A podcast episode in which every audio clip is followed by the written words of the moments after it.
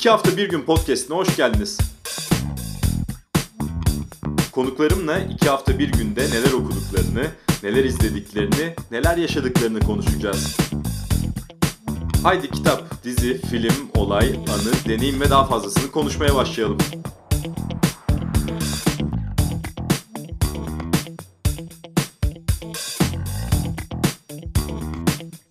İki hafta bir günün yeni bölümünde konuğum opera sanatçısı Güvenç Dağüstün. Ee, iki hafta bir günde ilk kez bir opera sanatçısı ağırlıyorum. Hoş geldiniz. Merhabalar. Nasılsınız? İyi vallahi nasıl olsun. Ee, işte bu evlere hapis olduğumuz bir dönemi e, yeni böyle geride bıraktık ve benim e, tam e, bu karantina sürecinden önce bitirmek üzere olduğum albümümü artık son rötuşlarını yapıyorum. Stüdyodayım. Ee, dışarı çıktım. İşimle gücümle ilgileniyorum. Ee, Biraz daha keyifliyim tabii. Ee, kolay gelsin diyelim. Şimdi o dönemi Çok konuşacağız. Ee, Aha. o dönemi nasıl geçirdiniz? Verimli bir dönem miydi? Kitap okuyabildiğiniz, müzik dinleyebildiğiniz, film veya dizi izleyebildiğiniz bir dönem miydi? Valla Burak inanır mısın ben e, biraz böyle bir döneme sanki ihtiyacım varmış gibi e, geldi bana. Yani bir sürü benim yapmam gereken şey varmış ama hayat öyle bir hızlı akıyormuş ki e, ben bir türlü onları yetiştiremem nasıl olsa diyor erteliyormuşum sürekli. E, birden hayat durunca sanki böyle eskiden bir tane dizi vardı hani parmaklarını böyle birbirine dokundurunca kız e, hayat duruyordu. Hı hı. Hatırlar mısın öyle bir şey bilmiyorum. Ee, sanki böyle e, hayatı durdurmuşlar ve benim e, kaçırdığım şeyleri yapmam ve orayı yakalamam için bir fırsat doğmuş gibi oldu. Ee, bir sürü yazmam, çizmem gereken şeyler vardı, okumam gereken şeyler vardı. Onları okudum. Ondan sonra e, bir tane şarkım e, var çıkacak. Ona evde e, kendim böyle stok görüntülerden klip bağlamaya çalışıp işte o programları kullanmayı öğrendim. Ondan sonra e, sosyal medya üzerinden karantina söyleşileri e, başlığında böyle bir röportaj dizisi yaptım. 30 tane falan çekmişim, 30 konuk olmuş. Ondan sonra Şişli Belediyesi'ne yine böyle bir şeyler çektim. Toplam böyle 40 kişiyle falan röportaj yapmışım. E, onları deşifre ettim, onları yazdım. Belki hani bu dönemi böyle bir belgesi olan bir kitap niteliğinde olur falan diye. Bir sürü okudum, yazdım, çizdim. iyi geçti yani benim açımdan. Şahane, şahane kitaplarla başlayalım Hı. isterim. Ee, en çok etki bırakan kitaplar hangileriydi karantinada? Bu son dönemden mi bahsediyorsun? Evet, son dönemde. Evet. Ee, yani şimdi ben biraz e, yaptığım iş e, bir, bir şey hazırlıyorum. Bir film senaryosu e, üzerine çalışıyorum. E, ve o, bir çocuk müzikali yapmak istiyorum. E, ve bunun e, bunun kahramanları da m, La Fontaine'in kahramanları olacak. Hatta Hı hı. La Fontaine de olacak içinde. Ama işte Ağustos Şahane. böceği de olacak, e, karınca da olacak, tilki de olacak, karga da olacak falan. E, bu La Fontaine masallarını bir tekrar Fransızca e, okudum. Ondan sonra e, La Fontaine masallarının mesela çok enteresan iki tane çevirisi var Türkçemizde. Birisi Orhan Veli çevirileri, biri Nazım Hikmet çevirileri. E, onları edindim, onları okudum. Yani gerçekten e, böyle ders gibi çeviriler. E, oradan biraz böyle karakter çıkarımları falan yaptım. E, uzun zamandır da çok sevdiğim iki sosyolog felsefeci var. E, birisi Emil Çoran, bir tanesi de e, Zygmunt Bauman. Ee, tekrar böyle bir Bauman'ları falan gözden geçirdim, biraz okudum. Ee, Suriye tarihi konusunda mesela çok e, eksiğim, eksik hissediyordum kendimi. Biraz Suriye tarihi e, okudum. Şimdi o benim de Ee, özel ilgi alanıma giren ne- nelere Aha. göz gezdirdiniz Suriye tarihinde? Yani genelde son zamanlarda yazılmış makaleleri okudum. Ondan sonra e, e, mesela Suriye'nin çok önemli şairlerinden biri Adonis e, Ad- Fransa'da yaşıyor şu anda Paris'te. Ee, işte zamanın Esad karşıtıydı sonra e, ve e, Esad liderliğinde bir bağımsızlıktan yana oldu falan. E, onun son zamanlarda işte verdiği röportajları falan okudum. İlk dönem röportajlarıyla karşılaştırdım. Şiirindeki biraz e, değişikliklere falan baktım. Gerçekten o coğrafyanın en önemli şairlerinden biri. Başka ne okudun dersen zaten e, Bunlar hiç az değil. Bunlar hiç az buz değil gerçekten. Evet evet. Ee, öyle bir dönem geçti yani.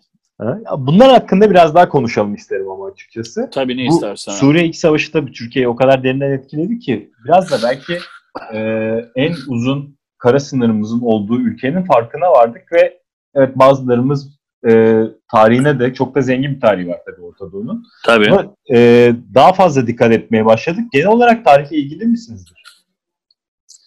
E, zamanında yani lise zamanımda falan e, eksik kaldığım ve e, çok pişmanlık duyduğum bir durumdur aslında. E, mümkün olduğunca işte şimdilerde kendime eksiklerimi giderip toparlamaya çalışıyorum. Hı. E, peki şimdi bu- burada aslında kurgu, roman veya öykü göremedik yani bu dönemde. Ama ben tahmin ediyorum Evet. sizin o müzisyen kimliğinize e, kurgu kitaplar da e, çok yakışıyordur eminim ki. Nasıl kurgu kitaplarla aranız? Ya ben Ya öyle ben- tahmin ettim. Ben şimdi çok enteresan e, bu e, Temmuz ayında e, Bavul dergisinde yazmaya başlıyorum. Oraya bir öykü yazıyorum şimdi. Gerçekten bir böyle kurgu. E, ben şeyi mesela çok sevdim hayatım boyunca hep. E, e, Nazlı Eray okumayı çok sevdim. E, Nazlı da sonra benim Nazlı'nın çok böyle iyi de dostum oldu. E, mesela onun o Kuğulu Park hikayeleri vardır. Kuğulu Park'ta bankta otururken bir yandan e, bir anda kapıdan şeyden parkın e, girişinden içeri Madonna gelir oturur falan. Madonna ile sohbet etmeye başlar Nazlı Eray. E, böyle fiksiyonları vardı. Mesela e, şimdi e, benim e, bu yazdığım öykü de böyle e, ben şeyde Viyana'da yaşadığım yıllarda işte haftada yılda böyle bir hafta falan İstanbul'a geldi. Sultanahmet'te bir arkadaşım vardı. Hala da çok sevdiğim arkadaşım. Onun evinde e, kalırdım. Mesela şimdi bu yazdığım öyküde şöyle başlıyor. İşte o evde herkes uyuduktan sonra ben kimse bilmiyor ama gizlice e, kediye dönüşüyorum ve e, evden kaçıp e, ondan sonra önce Sultan Pub'a gidip kızların bacakları arasında falan gezip sonra işte Cağaloğlu'ndan aşağı inip en son e, Cafer Ağa Medresesi'ne gidip e, orada kursa gelenler işte Ebru yapmaya başladıklarında onların üzerine böyle suyu sıçratıp falan tekrar kaçan falan bir kedinin hikayesiyle başladı. Bakalım nereye gidecek daha bitmedi. Şahane. Ama böyle gerçekten mesela şeyi falan çok istiyorum. Mesela hayatımda benim en büyük aşık olduğum kadın Maria Callas. Ee, dünyanın gelmiş geçmişte en büyük sopranosu. Ee, mesela bana dese ki biri hep bu örneği verirdim. Yani hayatından iki sene ver ama Maria Callas'la 10 dakika sohbet edeceksin. Ee, yaparım bunu falan derdim. Şimdi şeyin farkına vardım. Ama böyle kalem tutuyor elimiz falan böyle bir hani şeyim de var. Bari yazayım yani. Bir yerde ben oturayım Suadiye'de sahilde e, balık tutarken Maria Callas gelsin yanıma konuşalım, sohbet edelim falan. Böyle şeyler yazmak istiyorum şimdi. Şahane, şahane. Şimdi bu karantinada en, en fazla insanlar izleyerek zamanlarını geçirdiler. Benim gözlemim, yakın çevremde gördüğüm bu. Ee, sizin nasıl, açınızdan nasıl geçti? Normale göre daha fazla film, dizi izlediniz mi mesela? E, ben çok e, dizi gerçekten takip eden biriyim bu işte gerek Netflix olsun ondan sonra hem Netflix'e üyeyim hem Amazon Prime'a üyeyim hem o dizi Türk'ün e, platformuna yani ne varsa onun dışında yayınlanmamış burada bilmem neyi bile takip ederim falan. E tabi biraz daha fazla izledim. Ee, çok sevdiğim işler oldu. Ondan sonra e, ne izlediğimi yani dizi E, tabii, başlık mı e, söyleyeyim tabii, şunu tabii, evet, en, en fazla izli, e, beğendiklerinizi merak ettik şu an. Yani After, Afterlife'ları izledim mesela Hı e, bu dönemde izlediğim. Ondan sonra şeyde e, How to Get Away with Murder'da bayağı bir ikinci sezonu ben bitirmişim ama orada kalmışım. Hı hı. Ondan sonra onu bir e, devamını izledim. E, şimdi tekrar şu Homeland'in son e, sezonuna falan bakacağım. Benim böyle acayip bir tutkum e, 24'tür. 24'ü böyle bir tekrar e, ilk sezondan başlayıp dördüncü sezona kadar falan izledim. Vay. E, keşke tek öyle işler bir çekilse. E, bir de bunun dışında benim yani böyle senelik ritüellerimden bir tanesi de mesela şey senede iki kere falan olur o. 9 saat böyle kesintisiz Godfather 1 2 3 izlemek. Şahane. Ondan sonra onu da bir kere bir yapma fırsatım oldu. Şey, Aynı günde. Aynı gün içinde mi? Akşam e, yemeği bilmem ne yani İstiklal Marşı kapanış. O sadece e, üçünü birden arka arkaya izledim. Şahane, şahaneymiş. E, filmlere yer kaldı mı? E, film ya izledim bir şeyler de dur şimdi birden aklıma gelmedi. Tamam. Şimdi ona gelmeden o zaman şey söyleyelim. Aklıma Ee, gelirse söylerim arada. Tamam. Ee, daha çok nasıl filmler veya diziler izlemeyi seversiniz tür olarak? Var mı böyle spesifik? Ya e, eskiden böyle 10 yıl önce falan bu, böyle bir soru sorulduğu zaman böyle güzel e, sinematografik böyle bir cevap arardım, vermeye çalışırdım. Şimdi filmle ilgili, izlediğim şeyle ilgili e, şöyle bir şeyim var, e, kriterim. Beni sıkmayan film iyi filmdir. Ama burada kastettiğim şey şu değil. Yani ben bir Stalker, yani Tarkovski Stalker'ını izleyip de sıkılmıyorum. Yani hani Mutlaka aksiyon filmi olmak saat- zorunda değil yani. Tabii tabii yani hani aman işte bir ya popcorn film istiyorum falan filan manasında değil. Ee, genelde böyle şeyleri tercih ediyorum. Ee, Ondan sonra e, yani mesela Türk sinemasında ger- gerçekten bu e, gülmek istediğim zaman bu Ali Ali'nin Ali Atay'ın işleri falan çok hoşuma gitti. O ölümlü dünya sonra cinayet falan. O, ondan sonra e, çok büyük hayranı olduğum bir yönetmen mesela Reha, Reha Erdem. E, yani Reha'nın her işini izledim. Çok e, bayıldım falan. Yani bir gün böyle bir yerinden Reha Erdem'le çalışsam yani ya bir şeyinde oynasam ya bir atıyorum klibinde çalışsam ya kamera arkasında kamerasını taşısam falan filan.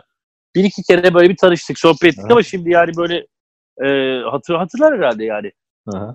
Ama gerçekten sinema diline adamın çok hayranım. Hı. Herhalde o rek- reklamcı yani hem reklamcı bunlar ama mesela başka reklamcılarda e, sinemada ters tepebiliyor mesela. E, Reha Erdem'in sinemasının hiç o reklamcılığı falan bozmamış. Yani enteresan çok çok acayip Türkiye'nin de çok ilerisinde bir yönetmen gibi geliyor bana. Şimdi ben sizi bulmuşken şunu da sormak isterim. Ee, neler dinlediniz diye. Aa şey bol bol opera dinledim. Yani bu aralar tekrar çünkü e, yani fırsat olmuyordu gerçekten. Ve bizim kuşağın, kuşağın da değil koca koca abilerimizin falan da müzisyen abilerimizin de yani çok hayranı olduğumuz abilerimiz mesela enstrümanda usta, acayip virtüöz bilmem ne. Müzik dinlemiyor kimse. Yani ya kendi dinliyor sadece ya hiçbir şey dinlemiyor falan. Ee, ben bu fırsatta bayağı sabah kalktım şey gibi ders gibi yani. Şimdi sabah kalktım hadi opera dinleyeyim. Ondan sonra işte öğlen biraz da caz dinleyeyim falan. Sonra yeni çıkan arkadaşların işleri falan varsa onları dinleyeyim. Bu arada e, tam da bu pandemiden önce inter- internetten şeyi bulmuştum. Bizim bütün operacıların bildiği e, bir şey vardır. Dört ciltlik opera ansiklopedisi. Cevat Memduh Altar'ın. E, yani bu şey Kültür Bakanlığı yayınlarından ara ara ara yıllardır bu yok. Ben de e, konservatuvardayken vardı dört cildi ama vermişim birine falan ya da kaybolmuş bir yerde. Tam böyle pandemiden önce nadir kitap falan öyle bir yerden o dört ciltli dört cildin toplamını 50 liraya falan bulmuştum böyle ve e, o kitaplar geldi ve tertemiz yani gıcır böyle. Meğerse Hani- bugünler için alınmış yani. Tabii tabii. Onları böyle tekrar şey yaptım. Ondan sonra mesela şeyi düşündüm. Böyle e, her bölümünde mesela bir tane operayı anlattığım e, mesela işte Mozart'ın Figaro'nun Düğünü Operası. İşte şimdi e, şu tarihte şu orkestranın çaldığı e, uvertürü dinliyoruz. Ondan sonra işte yok Figaro şudur budur. Böyle anlattığım araya da e, operadan o parçaları koydum falan bir podcast falan yapsam mı diye düşündüm. Hala düşünüyorum üzerinde. Ama yani o emeğe değer mi, dinlenir mi falan filan diye de işte bakıyorum, bir tartıyorum, içiyorum. Valla biz dinleyiciler olarak dinlemek isteriz. O ayrı bir konu ama bir emek gerektiriyor. Ee, bir de şunu soracağım size. Özel olarak müzik, içinden müzik geçen filmleri, içinden müzik geçen dizileri veya içinden müzik geçen kitapları okumayı sever misiniz? Ben mesela Özel olarak özel Aha. olarak değil. Ha kitap olur ama mesela ya çok enteresan. Ben böyle müzikal dizilerde falan sıkılıyorum ya. Yani e, mesela müziğine ayrı dizisine ayrı- ama mesela şey değil. Böyle klasiklerde işte Sherbrooke şemsiyeleri falan filan mesela. O bayılıyorum yani öyle şeylere. Ama e, böyle e, son zamanlarda bazen çok kötü işler oluyor. Bazen yapıldığı zaman çok güzel işler oluyor. O mesela o e, Family Guy falan izliyorum mesela. Orada bayağı bazen e, müzikal sahneler falan bayılıyorum onları. Çok seviyorum. Şeyde Netflix'te The Eddie diye bir dizi var. Ee, Whiplash'ın yönetmeni Damien Chazelle'in dizisi. Hı hı. Ee, Gördüm gördüm daha başlamadım yani not aldım. Çok hatta hoş. tane. Ta- Çok hoş o. misin? Ben kesinlikle Aa, tavsiye süper. ederim. Ee, Amerikalı bir müzisyenin Paris'teki caz kulübünde başından geçenler. Biraz polisiye de var işin içinde. Ama bana çok Oo, lezzetli, tamam. çok keyifli geldi. Süper. Tek sezon mu? Tek sezon. 8 bölümde bitiyor. Aa, ha mini mini dizi. Tamam evet, hemen mini hemen. dizi şeklinde. Bu, bu hafta bu hafta sonu onu o zaman halledelim. Ee, benim aşağı yukarı sorularım bu kadar. Yani filmleri de soracaktım ama orada bir an bazen insanın aklına gelmeyebiliyor. Ee, belki bir iki tane daha yönetmeninize söylersiniz bize. Ondan sonra da e, eğer o çıkmazsa da başka bir sorun olacak son olarak. Yani Şu sinema Hı. salonları meselesi. Ne zamandır sinemaya Ha. gidiyoruz? Özlüyor musunuz? özlüyorum. Sinemaya gitmeyi özlüyorum. Ee, benim mesela sinema salonuyla ilgili e, şöyle bir şey var. Sinemada hep en değerli koltuk en arka koltuktur ya genelde. Aha. Ben en ön koltuk severim abi sinemada. Boynum bile tutulsa mümkünse en ön koltukta olacağım. Çünkü sinemada yalnız gibi hissediyorum o zaman kendimi. Yani arada kimse yok sadece ben varım. Sanki evin salonunda projeksiyon perdesi kurmuşum gibi oluyor. Ee, bu arada hayatımın mesela Avrupa sinemasında hayatımda benim en çok iz bırakmış ve hani bayıldığım yönetmeni Giuseppe Tornatore'dir. Ondan sonra ay, hayatımın herhalde ilk sıradaki filmi yine Tornatore'nin e, Sinema Paradisosu'dur. Hı hı. Ee, yine mesela Tornatore'nin e, işte 1900 efsanesi filmi. Yani bir gemide geçer e, ve pi- gemide doğmuş bir piyanistin hikayesidir. Tim Roth'un muhteşem oyunculuğuyla. O gemide e, doğar, gemide piyano çalar, gemi, yakılırken gemide ölür falan. Ee, ondan sonra öyle. Mesela e, şeyde Avrupa sinemasında böyle öbür tarafta Scorsese çok severim mesela ama hala Irishman'i oturup izleyemedim. Aha. evet. yani bunu da neden oldu biliyor musun? Ya ulan adamlar bize demeselerdi yani bu film 3,5 saat 3,5 saatlik film koymuşlar Evet. falan. E, Psikolojik Yani olarak bu. farkına, farkına varmadan izlerdim yani. Şimdi üç buçuk saat ya mesela tiyatro oyununa gidiyorum arkadaşım falan. Soruyorum yani e, ne kadar? Aa, iki saat. Allah ne yapacağız iki saat falan diyorum. Yani çünkü oyunun kötü çıkma ihtimali falan da var. Ee, ya bunda da böyle yani kötü çıkma ihtimali de yok da e, şey için Scorsese'nin filminin. E, yok. Bence Ama de böyle yok. üç buçuk saat Yani. psikolojik olarak bir yordu beni ama izleyeceğim yani. Aha. Neler izledik onu mu izlemeyeceğiz? Kesinlikle katılıyorum. Güvenç Dağüstün çok teşekkür ediyorum. Hem Burak ben çok teşekkür ediyorum. sohbet için hem de sizi daha yakından tanımamıza izin verdiğiniz için. Ben çok teşekkür ediyorum davetiniz için. Sağ olun. Görüşmek üzere. Görüşürüz. Hoşçakal.